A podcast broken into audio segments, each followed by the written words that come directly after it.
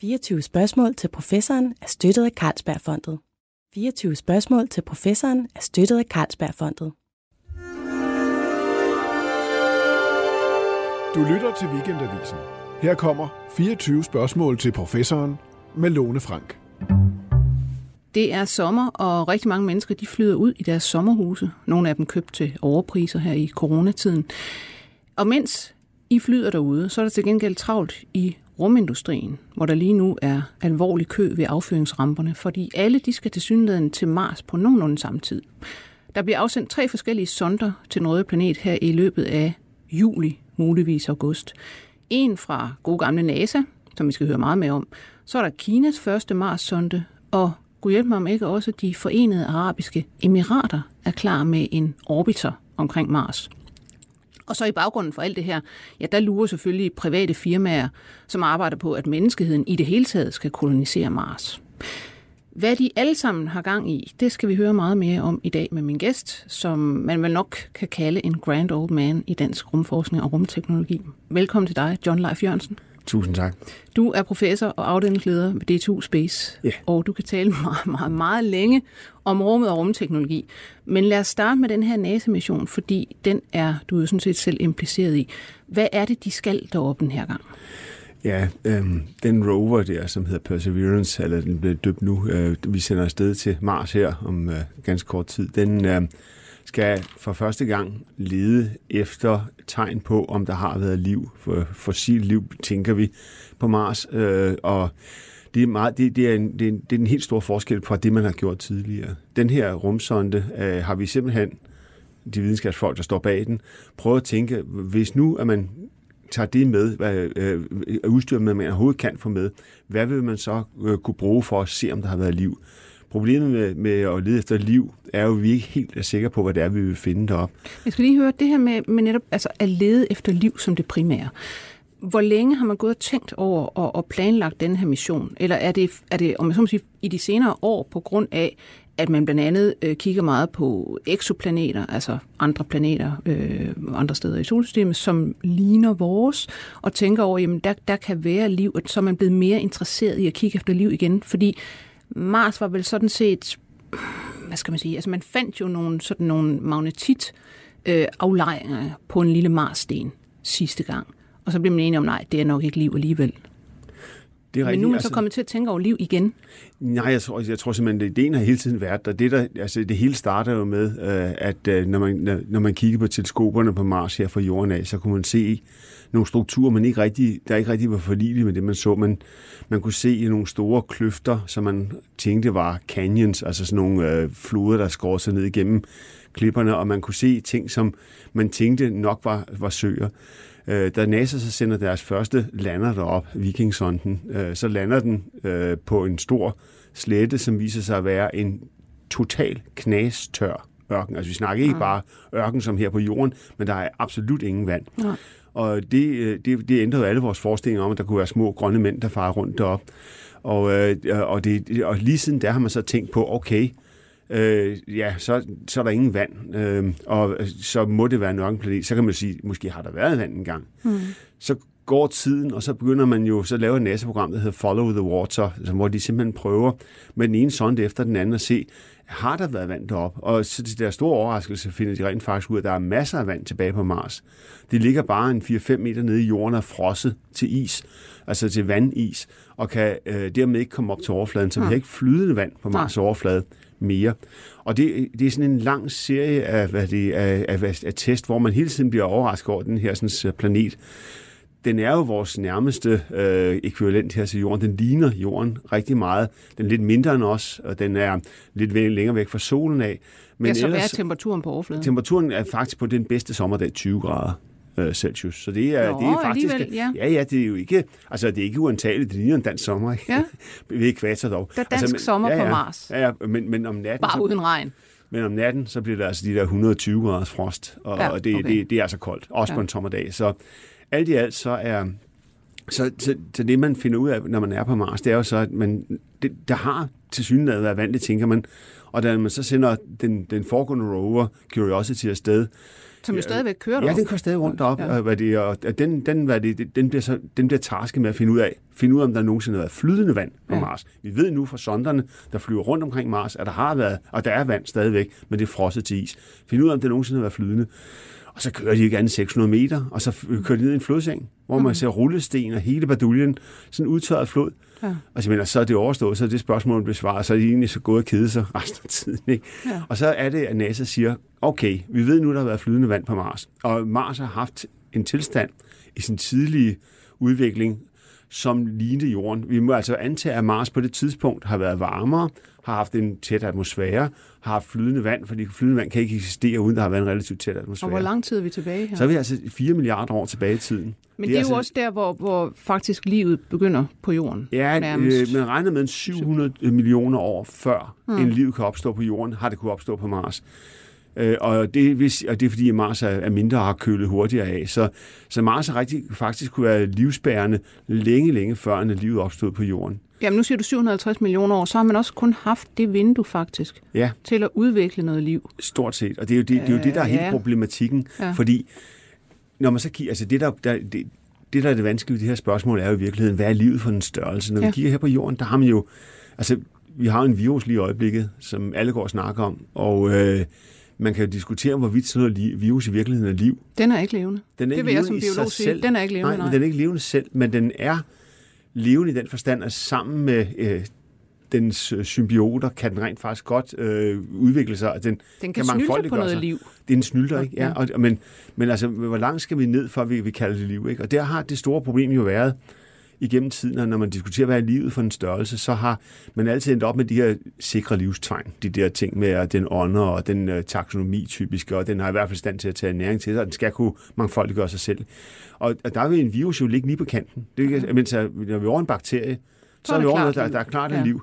Men som vi er de øh, ting, og, og går vi nummeret længere ned i rangen, øh, så fra, fra virus af det til de, de her, hvad hedder de, øh, hvad hedder de sjove øh, makromolekyler, store proteiner, mm. øh, som vi jo havde i, i, i den der mad cow disease, eller øh, det, det, den, den slags Det er dem, prioner, prioner, ja. de hvad hedder de, er jo i virkeligheden, det er jo bare mærkeligt, at de kan, at de kan Ja, det, replicere det er sig. proteiner, der, der er foldet mærkeligt. Ja. Og så kan de også i berøring med andre proteiner få dem til at folde mærkeligt. kopiere sig selv, Og, ikke? Ja, Ja. det, Og det, det er jo det underlige ved det. Ja. Fordi så er vi altså ude på grænselaget. Ikke? Men det, der i virkeligheden problemet er, når man kigger på livet, det tidlige liv på jorden, mm. så det aller, aller første, vi har kunne finde her, øh, det har været øh, bakterieslim. Altså, mm. nu skal man huske på, hvis der er gået 4 milliarder år, så er der ingenting, der ligner det, som tingene var for Nej. 4 milliarder år siden. Vi, vi kigger tilbage på ting, som helt sikkert, øh, det vi, bedste, vi kan håbe på, det er forsteninger. Ja. Og en forstening er jo ikke livet selv. Det er ikke sådan, det er ikke som en mumie. Altså, mange mennesker tænker, at når de finder søpindsvin nede ved, ved stævnt, så er, det, så er det resterne af søpindsvinet. Det er det ikke. Nej. Det, det, man finder, er rent faktisk uh, kiselsyre typisk, som har fyldt en hulrum ud, mm. og så lavet en afstøbning, Ja. altså af et hulrum i en klippe. Ja. Og, og det vil sige, at det er faktisk ikke dyret selv, vi ser. Vi ser bare et ekko af den, sådan en slags spektrum. Uh, og Men, det, men lad os tage det her med, når I så, øh, fordi I skal jo, øh, og I, det er så DTU Space og andre, der har været med til at lave nogle af instrumenterne, der skal kigge efter liv, og som skal pakkes i den her rover. Øh, og som er ved at blive pakket lige nu, kan jeg forstå. Ja.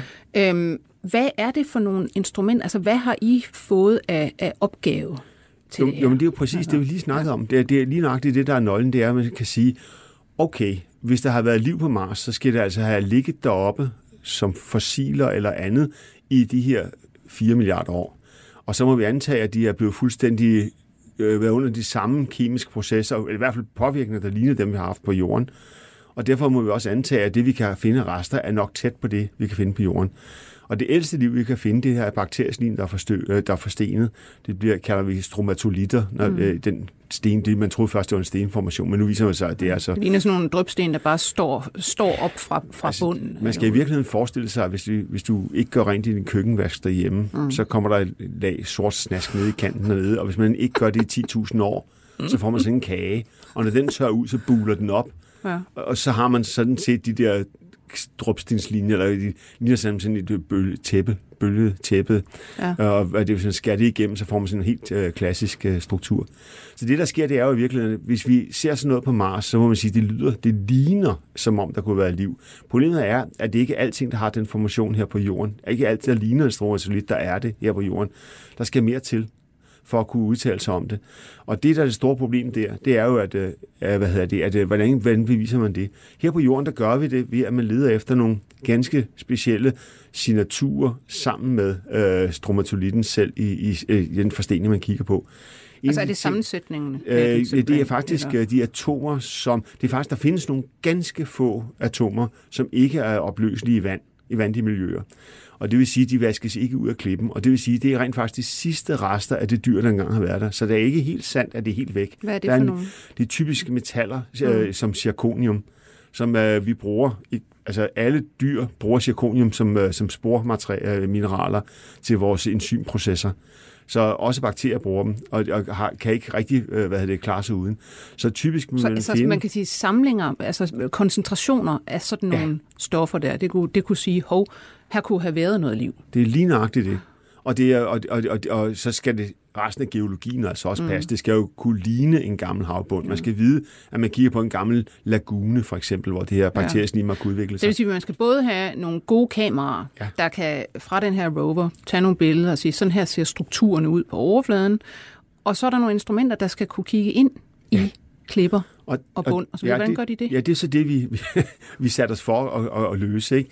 Og, der, er det, og der, der, der rammer man sig ind i problem nummer to. Det er, at der er gået 4 milliarder år. Det vil sige, at der er sket det, der hedder en, en uh, forvidring af klipperne også. Overfladen af klippen er givetvis uh, blevet stærkt uh, påvirket af både stråling fra rummet, solvinden, meteornedslag og støvstorm mm. og alt det her. Og det skal man også kunne komme af med. Så når vi har fundet en god klippe, hvor vi tænker, vi vil kigge på, så har vi rent faktisk medbragt et lille bord, der kan fjerne det yderste af klippelaget yderst.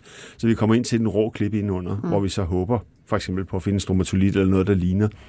Og øh, der har vi så forskellige instrumenter med. For eksempel så er en af instrumenterne, det er ikke det, jeg er med i, men øh, nogle andre har lavet, det er en såkaldt LIPS-instrument, hvor man skyder en læ- kraftig laserpuls ind, puls ind i stenen, som så får, simpelthen øh, fordamper stenmasserne selv. Ja. Og det, øh, det instrument, det smider så øh, hvad hedder det, nogle gasser ud, og de gasser, de gløder, de giver sådan en helt bestemt farve øh, glød efter sig, og så kan man simpelthen se, hvad, hvilke atomer det er lavet af.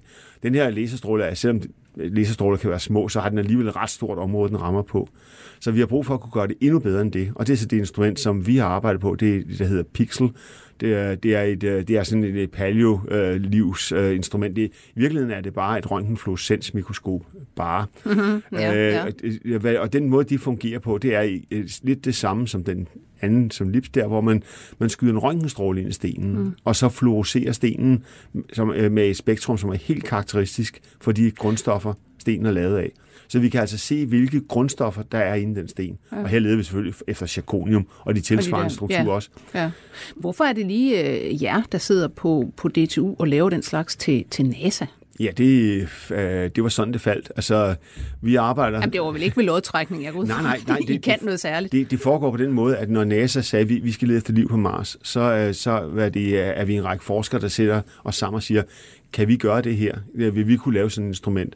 Og der teamede vi op med nogle australske forskere, og så nogle fra øh, Jet Propulsion Laboratory, California NASA Center, mm. og så også her i Danmark, om at lave det her instrument. Øh, og, og det, det, sådan nogle instrumentpakker, der, der prøver man på at lave det bedst mulige, øh, som vi kunne laves videnskabeligt, altså hvor vi kommer længst muligt. Og det tilbyder man så NASA. NASA's job er så at finde de rigtige instrumenter og sætte dem sammen. Der var flere instrumenter af vores type med, men vi var bare de bedste. Mm. Og, og det, er det, og, vælger de på tegnebrættet? De vælger på, øh, ja, det du kan godt sige, vi, vi laver et skitseprojekt. Ja. Altså vi siger, det kommer til at se sådan her ud. Det er lidt mm. ligesom en arkitekttegning, ikke? Jo. Og så, hvad det, og så beslutter bygherren så, hvad for en, en løsning de vil have. Så det er faktisk det, NASA gør også. Og de skal så sikre sig, at det instrument, sammensætning, de har, de har syv instrumenter med ombord på roveren, og de syv skal så kunne sammen give det svar, nemlig på, har der været liv. Og det er så vores, der giver en af, af dem. Årsagen til, vi blev valgt, er faktisk fordi, at øh, øh, her på det, øh, på det er, at fordi at vi har, er rigtig, rigtig gode til at lave de her øh, navigationsinstrumenter til rumfartøjer. Ja. Og øh, man skal altså forestille sig, at øh, når man skal lave sådan et instrument, så skal vi undersøge ret store mængder af sten øh, derop for at få, altså jo mere vi undersøger, jo bedre bliver det selvfølgelig. Øh, så, hvad de, så man skal altså kunne bevæge robotarmen hen over stenen, helt automatisk, Og øh, det skal så gøres om natten, øh, fordi der kan roveren ikke be, øh, lave andet. Mm. Så vi designer vores instrument til rent faktisk at fungere fra solen går ned til solen står op. Øh, fordi der er ingen andre af de andre instrumenter ombord, der kan overhovedet kan bruge natten. Og så Nå. er det jo gratis for NASA at give os tiden, det er klart. Ja. Så øh, det vi skulle gøre, det er, at vi skulle bare lave en fuldstændig automatisk styring af robottens arm, så den kan scanne hen over det her, de her sten om natten, uden at støde på, altså nogle ting. Og det er det, vi er rigtig, rigtig gode til i forvejen. Det er vi sådan verdenskendt for i Danmark på navigere rumfartøjer. Og en robotarm i forhold til en sten er jo det samme som at flyve et rumfartøj rundt om en planet. Det, Ja, der er det stort kan- set ja. det, det samme. Ja. Så, så det var faktisk det, der var baggrunden. Ja. Og så var vi så heldige, at vi teamede op med, altså den anden del af det, det er, det er jo den geologiske, geo, øh, geo, hvad det, logiske og, og eksobiologiske af det her Men øh, hvad, liv. hvad, hvad, hvordan kan man Ja. se efter liv? Og det, ja. der har vi teamet vi op med den forsker, som tilfældigvis ved samme lejlighed var den, der nu holder verdensrekorden i det ældste liv, der er fundet her på jorden. Og Minik Rosing måske? Ja, det Minik havde faktisk øh, rekorden før det. Så, så, så, så Minik var rent faktisk, hvad havde det... Som, Han, som han blev slået af banen? Han blev slået af banen af en australier. Det er fordi, Okay. at, at Grønland er gammel, og Australien er Ja. ældre. Ja. Sådan er det. Ah, Så, men, men det er ikke fordi, at- altså, øh, hvad er det, mm. uh, Abigail Overwood her, som, som, som er vores uh, PI, altså den, der, der leder uh, Ja. det instrumentet, er, jeg arbejder utrolig godt sammen med mm. Minik, så, hvad er det, så det er ikke fordi, at de ikke tager til Grønland sammen. Men jeg skal lige høre, fordi der er jo folk, der har sagt, altså der, der bliver som sagt fundet øh, på et tidspunkt den her sten med noget magnetit ja. i, altså sådan nogle øh, krystaller. Som, som, og det er jo noget, man også kender fra jorden, hvor, hvor liv er med til at ligesom, altså, øh, lave sådan nogle ja. magnetitkrystaller. Ikke? Men de så så lidt anderledes ud, og man tænker, "Ah, det, det er så ikke liv. Men det er der jo folk, der siger, jamen det kan godt være, at det måske har været tegn på det. Altså en Ja. filosof, Carol Cleland, mm. som er meget inde i det her med, hvordan skal man kigge efter liv? Hvad kan anderledes liv end det, der er på jorden, være? Øh, er der nogen seriøs diskussion af de der magnetit? Meget. Ja. Og det, der er problemet her, er jo, at... Øh, øh, hvad er det, at vi ved jo ikke, hvilken slags liv vi måtte finde på Mars. Mm. Altså, det behøves jo ikke at være man til jorden. Ja. Der er jo er det teorier formentlig frem om, at, det, at jordens liv er opstået øh, ved, at liv fra Mars er blevet herned. Er det den der det- podnings Ja, ja, podningsteorien, ja. Og det, det kommer så af, at hvis Mars' liv opstod, lad os sige en milliard år før her på jorden, så kunne den sagtens blive ført herned med en, øh, hvis en asteroide slår ned på overfladen af Mars, så slår den sten løs, og de bliver så sendt i en by ind mod Mm. jorden. Ja. Vi ved det, for vi har fundet masser af sten fra Mars på jorden, mm. så det er, jo- det er noget, der sker. Og hvis der er en bakterie, sådan et bakteriekim, der sidder fast der, eller, øh, så vil det sagtens kunne blive transporteret til jorden og overleve turen ned. Ja. Så det er ikke umuligt. Det er bare, hvad har de... Øh, altså, det, det er en spekulation. ja. Øh, men derimod, øh, så, så, hvad det, så, så det liv, vi måtte finde på Mars, der tænker vi øh, jo, altså, øh, hvordan, øh, øh, hvorfor opstår liv i det hele taget? Ja. Altså det er det spørgsmål, man, kan, man, man vel også stiller sig som menneske. Ja. Og det er jo en af de dybe spørgsmål, vi rører ved her. Og der har, hvad har de, øh, jeg synes egentlig, at øh, Jens Martin Knudsen øh, inden for Københavns Universitet, han, Nu det afdøde. nu afdøde for ja, snart mange år siden. Ja. Han, øh, han havde sådan en, en vidunderlig måde at sige det på, at øh, hvis, man, hvis man karakteriserer alt liv, alt det liv, vi finder her på jorden, så er der én fælles træk ved dem. Det er, at de tager høj energi, kvalitet, øh, energi, høj kvalitets energi, og laver det over til, om til lav kvalitetsenergi, altså varme typisk, og laver en masse uorden, altså sviner i processen. Ja. Men Og de laver jo proces- altså også en masse orden. Altså vi opretholder en masse orden Ja, i men det, vores vi organisme. laver en orden, men mm. vi, tager, vi destruerer meget mere orden i at opretholde os selv. Mm. Så i virkeligheden, altså det man kalder, det, det, den uorden kalder man også entropi. Entropi. Ja. Ja, og den, og den, øh, og den uorden, der er, der er dyr, altså liv, faktisk den bedste metode til at, at, at destruere øh, højkvalitets øh, energi. Og, og det, er- det, det, der er egentlig er den fælles betegnelse for, for alt liv, det er, at de er i stand til at, hvad det, er, at de laver uorden omkring sig og orden inde i sig selv. Ja. Og det, er, det er nærmest den bedste karakterisation af, af, hvad liv er for en størrelse. Og det er, da al mod natur altid søger mod laveste energitilstand, så, hvad det, så, så, så er livet virkelig bare en, øh, en hjælper til mod natur. Det lyder meget, meget prosaisk og trist på en måde. Mm, ja, altså det lyder også som om, at der skal mere til. Altså der skal jo både, altså der skal nogle konditioner til, at nogle strukturer, om man så må sige, kan ud af netop det ulevende, ud af bare stoffer på en eller anden måde, kan samle sig til noget, der så begynder at altså, metabolisere, som du siger, altså Ja, tage noget energi, bruge det til noget, at opretholde sig selv, og derefter replicere sig selv. Det er rigtigt. Øhm, det er rigtigt, og ja. det er jo, det er jo, men det er bare det, hvis man skal samle fællesnævner for alle de liv, ja. vi kender, ja. så er det det, der er fælles. Fordi det er rigtigt nok, at det, er, at det der med, at man har en metabolisme, altså at livet har metabolisme, det, det, er, det er selvfølgelig en naturlig konsekvens af det. Det er jo den proces, øh, som livet hvad skal vi sige, øh, kører igennem. Det er jo det, er ja. det der er motoren bag ved ja. livet. Omsætning, stofomsætning. Ja. Og, og, det er, og det er også det, der laver uordnen. Ja. altså, men, men det er bare det er bare den, den, øh, skal vi sige, den bedste beskrivelse af alt liv, jeg har nogensinde hørt. Mm. Og, hvad det, og, og det er ikke det er, det er dermed ikke sagt, at det er det hele. Nej. Det forklarer jo for eksempel ikke selve livsgnisten. Altså det der, hvad er det, der, der starter det, ja. det der? Fordi vi har jo, folk har jo i, i, i mange, mange år prøvet at lave de rigtige livsbetingelser. Altså der sidder for eksempel på, på øh, Syddansk Universitet, øh, hvad det hedder, øh, Sten Rasmussen, professor der, han sidder og har i nu i mange år forsøgt at lave kunstigt liv. Ja. Altså fra begyndelsen. Kan Men... vi konstruere noget, der så ligesom, boom, altså som, som Frankensteins monster på et tidspunkt selv begynder at replicere.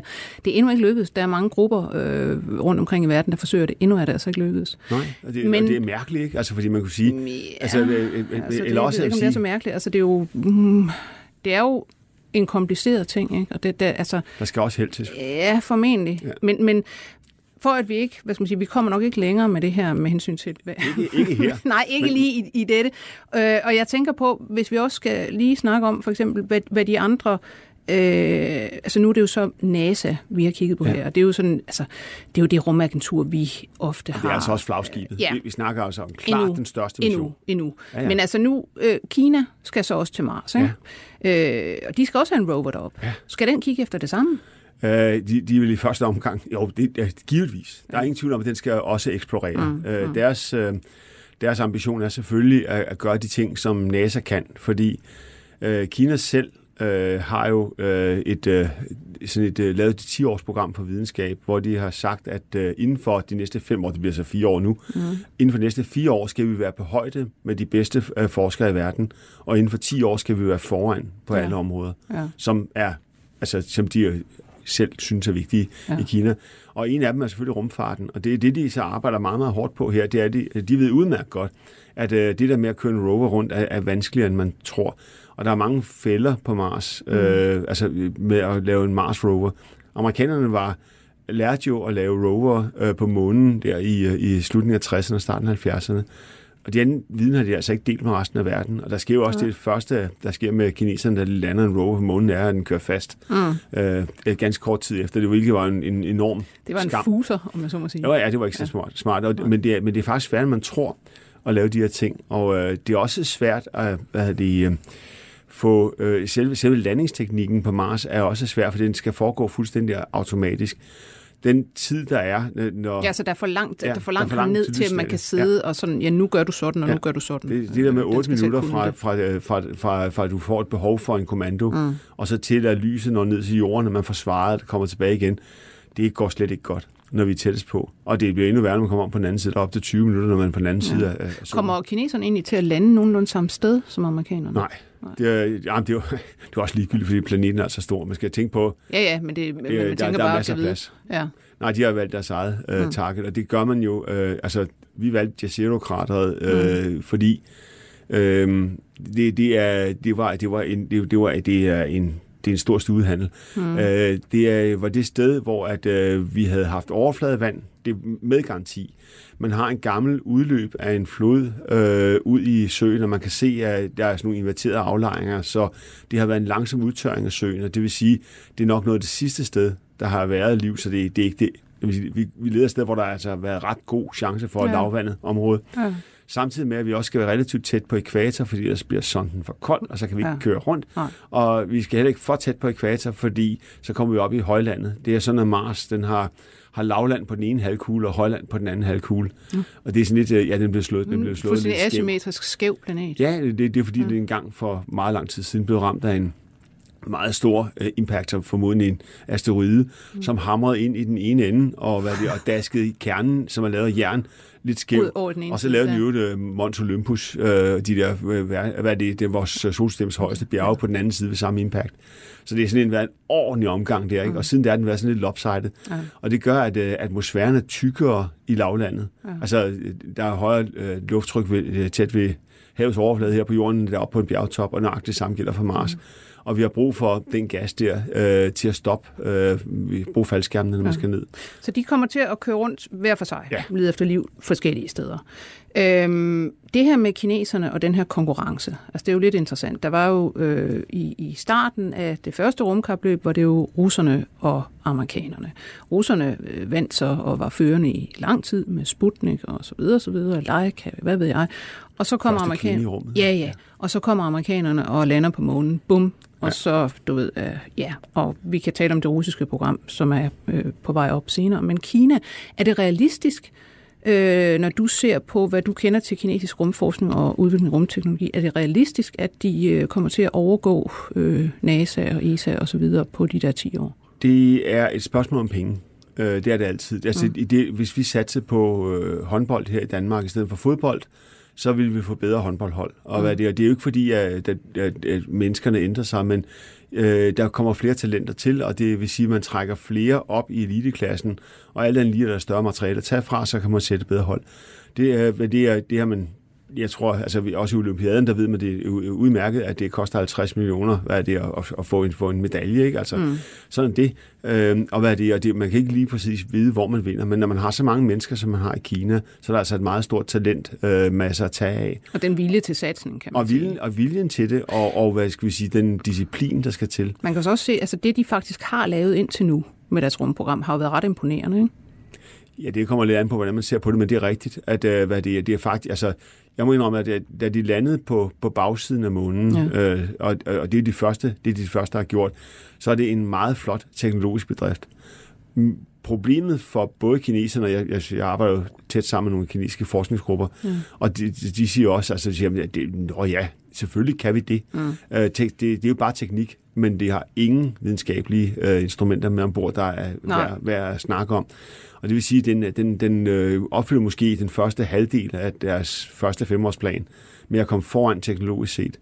Det, jeg synes faktisk er mest imponerende ved den der landing på bagsiden af månen, er ikke selve landeren, fordi det er bare et spørgsmål om penge.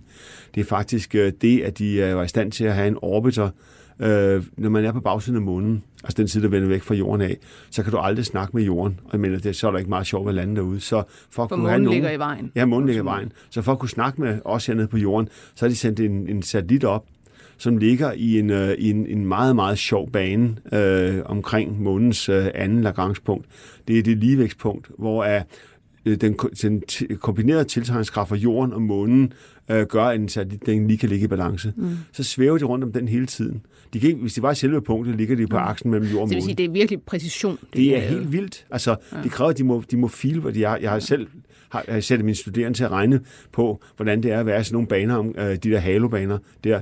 Det er vildt vanskeligt. Jeg ser, at mine studerende de piver altid, når de når der til. Det er, men altså, men, men, men det, det, er bare godt gået, altså kineserne. Ja. Det, det er altså avanceret, det de gør der. Men lad os lige tale om det her med, altså jeg synes jo, det er lidt interessant, øh, hvad det er, de forskellige nationer vil med det her. Ikke? Øh, altså, fordi lad os nu lige tage fat i de forenede arabiske emirater, som nu sender en orbiter op ja. øh, som altså bare skal, den skal ikke lande, den skal ikke, der er ikke nogen rover med, den skal køre rundt om Mars, altså en sonde, der skal ja. øh, rundt om der. Og de forenede arabiske emirater er øh, ikke store. De laver så også det her selvfølgelig i, øh, i øh, samarbejde med nogle amerikanske øh, universiteter og så videre. Og man, man har sådan også på, faktisk. Ja, okay, ja. ja. Men altså fornemmelsen af det her med, hvad de skal med det, det er vel sådan noget med, i virkeligheden, der sidder man nede i den her økonomi, som er givet mod bare at pumpe olie op øh, og sælge det. Og det kan man godt se, det kan man ikke blive ved med. Så man skal også på et tidspunkt have en teknologisk udvikling i landet. Man skal have unge mennesker gjort interesseret i naturvidenskab og så videre, for at kunne uddanne sig inden for de områder. Så altså, det er i virkeligheden sådan noget med, at man med den der sonde gerne vil altså, skabe noget interesse hos ungdommen i emiraterne og, og ligesom, øh, se, kan vi udvikle os hen imod en ny slags økonomi? det er helt sikkert. Altså, de, de, har, de, de har faktisk et meget skægt set på en danske øjne, et, et, et lidt, et, jeg synes, et, et meget tiltagende perspektiv. Øh, stort set alle, stort set alle i rumprogrammet er kvinder. Ja. Og det har også været en satsning fra den, den øh, prins, der, der oprindeligt fik ideen til det her, at, øh, at, øh, at kvinder skulle bringes ind i, i STEM, altså i, øh, i, øh, i science, and science technology, og videre. Ja, og, øh, og det har de altså gjort, det har de gennemført. Altså, mm. Jeg arbejder jo en del sammen med dem, og, hvad det, og, og stort set alle dem, jeg arbejder sammen med, det er kvinder, ja. som jo også i teknologi. Det er faktisk meget sjovt. Altså, jeg tænkte, jeg tænkte, hvad hedder det, okay, øh, i Mellemøsten og, og, og hvad det er, kvinder og teknologi, mm. det, det lyder som en, en, en mærkelig øh, Ja, hvis du land. ser på det, der er nogle af de der undersøgelser, hvor man kigger på, øh, hvor går kvinder mest ind i ja.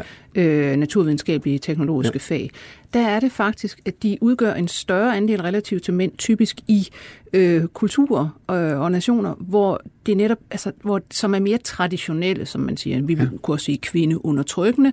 Øh, og ofte ser man det som et udtryk for, jamen, når, når vi kan vælge selv her på vores breddegrader, så er der mange flere kvinder, der hellere vil noget andet end naturvidenskab. Men i kulturer, hvor kvinder ikke har haft nogen muligheder, der er det en vej frem. Ja, men det er helt, der er ingen tvivl om det. Altså, jeg, jeg synes bare, man, skal, man må ikke glemme det aspekt, at det rent faktisk også giver en, øh, ja. en, øh, en diversitetsberigelse. Ja. Øh, og, så, så, og udover det, så er det så selve missionen faktisk, den er faktisk funderet i rigtig god science. Mm. Det er sådan, at øh, Mars... Øh, vi formoder, at den har været livsbærende, ellers gad vi jo ikke at sende sådan det op. Men, men altså, øh, Mars mistede sit liv, fordi øh, der sker det øh, grimme for Mars, at den, øh, dens øh, kerne fryser, og dermed forsvinder dens magnetfelt. Ja. Når magnetfeltet forsvinder, så blæses den atmosfære, at dens atmosfære, den har haft en atmosfære, ved vi jo nu, øh, den er blevet, det bliver så blæst væk af solvinden. Ja, der er jo så noget tilbage, som du sagde lige Der er en lille smule tilbage, ja. men, men, men det er jo altså, det er de tungeste gasser, de to tungeste gasarter her på jorden, nemlig ja. øh, koldioxid og, øh, og, og, og, øh, og så argon. Det er de to tungeste gasarter, vi har i vores egen atmosfære. Så det er simpelthen resterne. Ja. Det er bundfald, undskyld, men altså det, det, er, det, det, det, det, det, der er tilbage. Det er ikke til at trække vejret i argon. Nej, det skal man helst Nej. ikke. Så er det i hvert fald ikke, hvis man vil overleve, og specielt ikke koldioxid. Så det, der, det, det ender op med, det er jo, det, det er resterne, hvad der er på mm. Mars overflade, eller i Mars atmosfære. Resten er blevet blæst væk af solvinden, og det, de vil undersøge her rent faktisk, hvad er det egentlig, altså hvordan går det egentlig med den her, sådan, de ting, der bliver blæst væk, og det er så det, ja. de vil prøve at undersøge. Det er faktisk et rigtig godt, rigtig godt studie, fordi mm. både hvordan afhænger det af solcyklerne, og hvordan afhænger det af, hvad hedder det, af årstiderne, Øh, og, fordi det er jo noget, vi ikke rigtig ved om. Altså jordens øh, atmosfære er jo tæt for alle gasser på nær helium. Der har været meget, meget, meget helium her på jorden engang. Så de skal, altså, de skal kigge efter øh, øh atmosfæren deroppe, simpelthen ja. at måle ja, og fluktuationer i den, og, og det ja. der så, ja, hvordan kan man måle resterne, der blæser væk?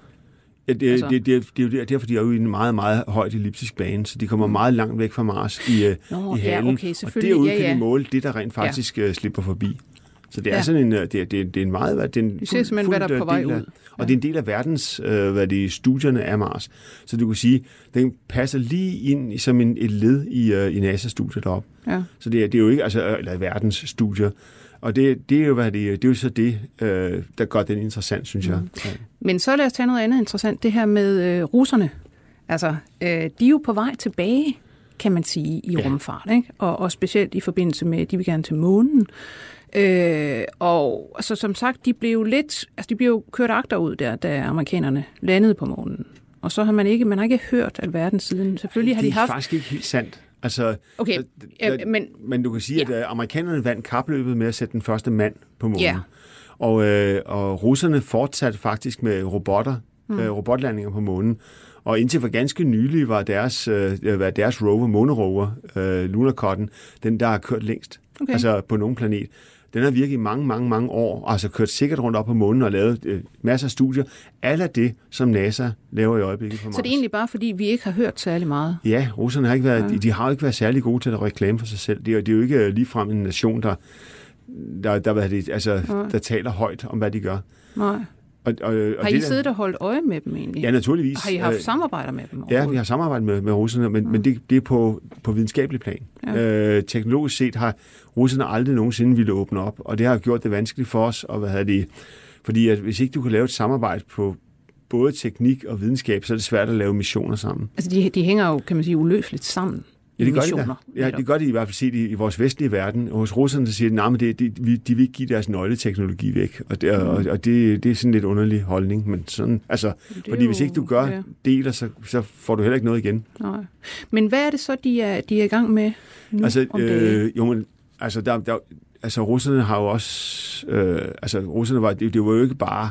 Det var ikke Rusland, øh, amerikanerne kæmpede imod. Det var jo USSR. Ja. Og, og Sovjetunionen var hvad det, jo en noget større enhed, og der var en helt anden doktrin, end den man kører efter i dag. Og det, der så sker, er, at da det falder sammen, så falder rigtig, rigtig mange strukturer sammen i, øh, i Rusland. Nogle af de bedste øh, rumforskere, jeg kender, er russere. De arbejder bare ikke i Rusland. De sidder hos NASA. ja. Altså i dag. Mm. Og, og altså, er der nogen, der kan deres matematik, og, hvad er det, og, og, og kan deres hvad er det, computerteknologi for eksempel, så er det russerne, men de sidder altså hos NASA. De vinder jo øh, år efter år øh, forskellige programmerings øh, og hackerkonkurrencer osv. osv. Helt utrolig ja. god grunduddannelse, som ja. man får i Rusland. Ja. Øh, de, de bliver bare brugt til sære ting. Ja.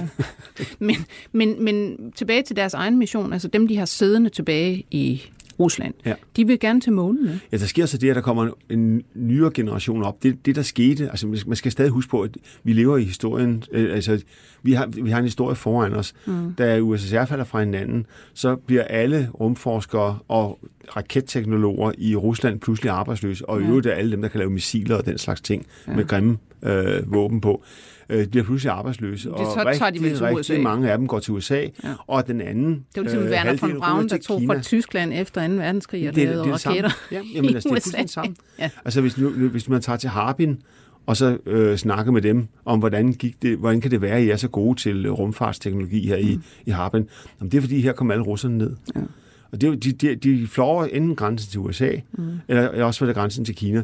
Og Kinas rumprogram er udelukkende baseret på russisk teknologi. Hvis du prøver at kigge på teknologien selv, mm-hmm. i hvert fald i det tidligere, både i løfteraketter og i satellitter, så er det faktisk kopier af russisk teknologi. Ja. Det er faktisk derfor, det ligner så meget. Og mm.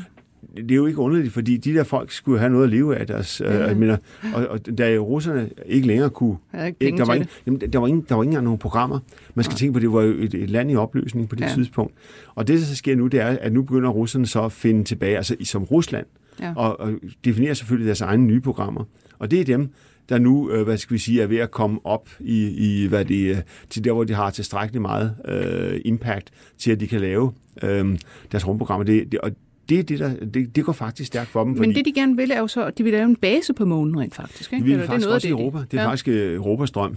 Så nu er, nu er Europa i konkurrence med Rusland, kan man nej, sige. nej, fordi øh, det, er, da NASA ikke øh, er særlig stabile samarbejdspartnere i måneprogrammerne, fordi det er en ting, som deres præsident øh, skifter med. Det er sådan, at øh, demokraterne, i hvert fald traditionelt i USA, gerne vil til Mars, mm. og republikanerne vil til månen Ja. først. Altså, det, det, ja, de vil godt til Mars alle sammen, men, men det er et spørgsmål om, om man skal til månen først.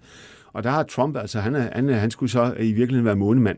Nu har han så ikke haft nogen holdning til det her, så, så, så NASA har kørt De har fået lov at køre deres Mars, som om det ja, var... Mars var- videre, men, men på ned, nedforskende kraft. ja. Men så russerne har bevidst satset på at komme til månen igen i, i større stil. Og derfor har Europa så satset på at sige, okay, da vi ikke selv har landingsteknikkerne her i Europa, for vi har aldrig nogensinde øvet os i det. Mm. Øh, jeg har en gang landet med et, et, et, et, et, europæisk rumfartøj på månen, og hvad er det, ja, det, var, det var med to kilometer i sekundet, men det var, det var, det var, det var som planlagt, men det var bare, hvad det? Men, men hvad, skal vi, hvad skal vi på månen via russerne? Jamen, så det, det er faktisk øh, dels for hvad det er, at kunne undersøge, og hvad det er månen selv, fordi månen er faktisk interessant også som et kommercielt objekt. Mm-hmm. Det, er ikke en, øh, det er ikke bare en stum sten, der ligger derude. Det er rent faktisk også en Det er ressource. til minedrift. For eksempel minedrift, eller energi, øh, eller forskning, eller hvad er det, øh, hvad er det, øh, hvad studie af øh, trinbrættet til Mars. Hvad kunne der være altså, af, af minedrift, som kan betale sig, og som, hvor man kan få noget, oh. man faktisk kan fragte ned igen til Ja, en se- pris, se, som det er jo- kan konkurrere med noget som helst? Det der med prisen er jo vanskeligt, ja. fordi at, øh, det er lidt ligesom at snakke om, øh, hvad koster det at fragte noget med et fragtfartøj, vi ikke har endnu. Ja. Øh, og det, det går på alle de tidlige forsøg her, både fra øh, Kina og fra Rusland og fra Europa og USA, alle sammen går på at få de der nøgleteknologier på plads lige i øjeblikket, så det bliver billigere at flyve til månen og hjem igen. Men det, man håber, er det sådan det, vi kalder sjældne jordarter? Det kunne være sjældne ja, månearter, havde han ja, sagt. Nej, men de er, de er sjældne jordarter er ja. sjældne her på jorden, mm. fordi de ikke findes i vores overflade. Ja. De findes faktisk i rimelige mængder inde i jorden, vi kan bare ikke komme derind. Ja. Så man vil gerne have fat i de sjældne jordarter, som der findes på overfladen af månen. Mm. Og her, her er der en, altså det er simpelthen helt utroligt, hvad man kunne lave, hvis man havde de der sjældne jordarter i større koncentrationer her på jordens overflade. Øh, for eksempel øh, levitationstog, altså tog, der svæver på magnetfelter. Øh, det lyder måske dumt. Hvad skal vi øh, bruge? Ja, det, det, der, der skal man bruge et, et, et, af de sjældne jordarter, der hedder samarium.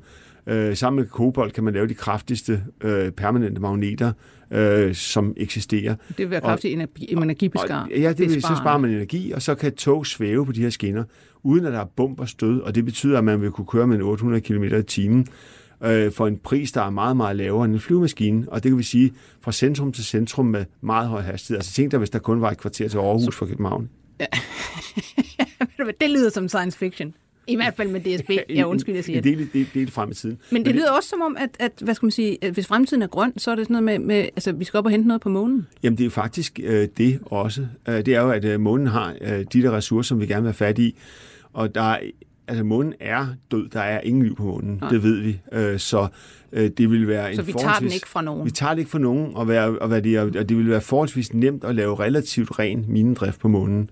Altså, så, så der, er en, der, er en, der er en lang række ting, der kan, der kan lade sig gøre på månen, så det er det, øh, minedriftsselskaberne kigger på. Ja.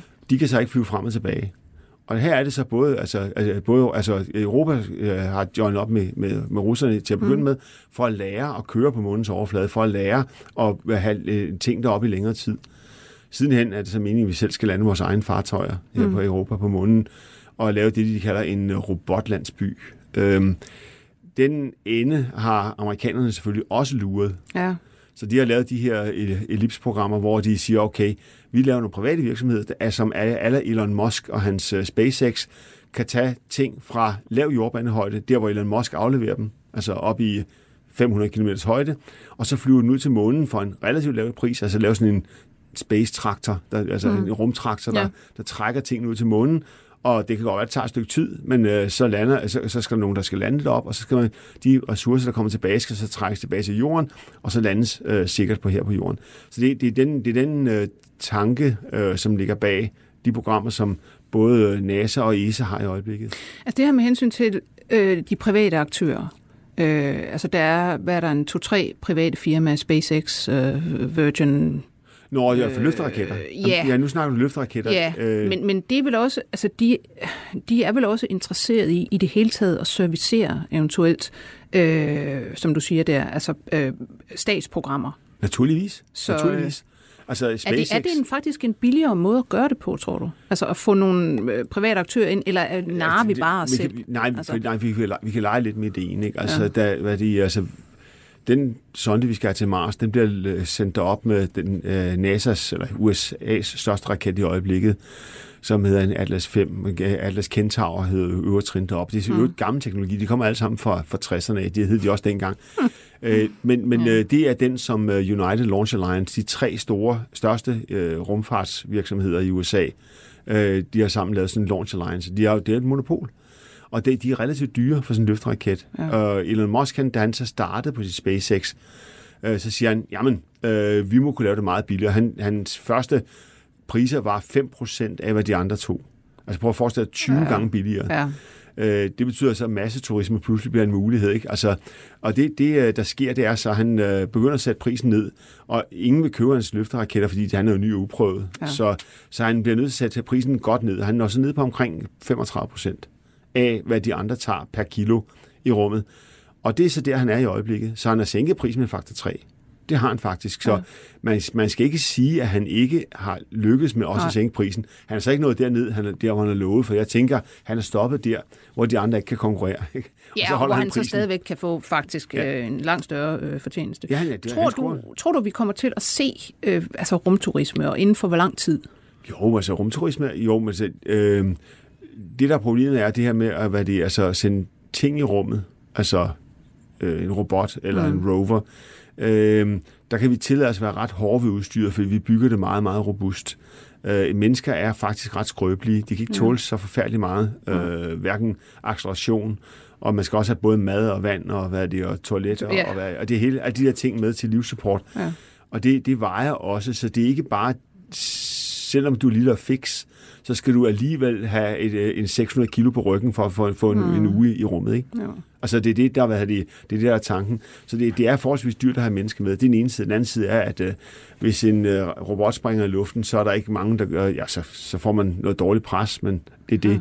Hvis vi Men derimod hvis en springer, flok milliardærer Ja, springer så i bliver der luften, ballade. så... Ja. Ja. Og, øh, og så det er det, der, der, holder, der holder det, øh, hvad skal vi sige, lidt tilbage. Ja. Men Elon Musk har jo lige nøjagtigt bevist, at hans Falcon 9 rent faktisk kan er man-rated. Mm. Og det betyder, at, hvad hedder det, at... Øh, øh, at nu, ved, nu har han jo ikke snakket om, hvad den prisen for den launch var, men Nej. det er, hvis det er samme teknologi som før, så betyder det jo, at, øh, at øh, mennesker, som vil bare op og være 14 dage i rummet, og så sige på et rumhotel, Ja. og, hvad det er, og så nyde udsigten, og hvad det er, og så få en oplevelse for livet. Mm. Øh, de kan vel gøre det for en pris, der, der er til at betale. Altså, øh, russerne i øjeblikket øh, har jo af og til taget private aktører op, hvis de bare betaler nok. Og de er så, de er, der, der snakker vi jo altså op sådan noget med, med noget, der ligner en 30 millioner dollars øh, Per mand. per mand. Ja. Og per, for sådan en lille tur, 14 dage. Ikke? Og, hvad er det, og, og øh, hvis nu man forestiller sig, at SpaceX kan gøre det her for en tredjedel af prisen, så, så begynder vi at komme ned på 10 millioner. Der er nok ikke mange, der vil betale 10 millioner for 14 dage i rummet, men der er nogen. Ja. Øh, men det, som, som øh, hvad det, de andre øh, hvad det, aktører i USA snakker om, det er jo, at de regner med, at de kan få, de kan få det ned på det 5%. Mm. Og så snakker vi altså om, at øh, så vil sådan en tur, det er jo nok the time of your life. Altså, det ja. bliver nok den, en af de store, det er i hvert fald noget, du kan prale med til Der, er, der er jo rigeligt med milliardærer og, og multimillionærer. Så, så, så, hvorfor så for en million kroner, øh, er, Ja. er, tror jeg, der er rigtig, rigtig mange, der vil købe et sæde. Og det er jo det, er der, det, er det, du kigger ind i inden for de næste 10 år. Men hvis vi inden for øh, 10 år siger, at det bliver muligt sådan for de pænt velhavende at, at flyve rundt øh, i rummet og være der på hotel, hvornår øh, mener du det er realistisk, at vi ser det første menneske på Mars? Altså, øh, mennesker på månen, øh, det bliver givet i det her årti, før det her årti til er slut. Øh, medmindre vi får andre sjove ting her i verden at kæmpe med. Øh, og det vil sige, at vi får nok øh, relativt, altså forholdsvis mange mennesker på månen inden den tid. For at kunne komme til Mars, har vi brug for en større løfteraket. Øh, der skal meget til for at få folk til Mars. Mm. Øh, der, det er mange ting, der skal bringes derop. Og de løfteraketter er kun ved at blive testet nu. Øh, Space Launch System er den, der er tættest på. Øh, Elon Musk har også en, han kalder BFR.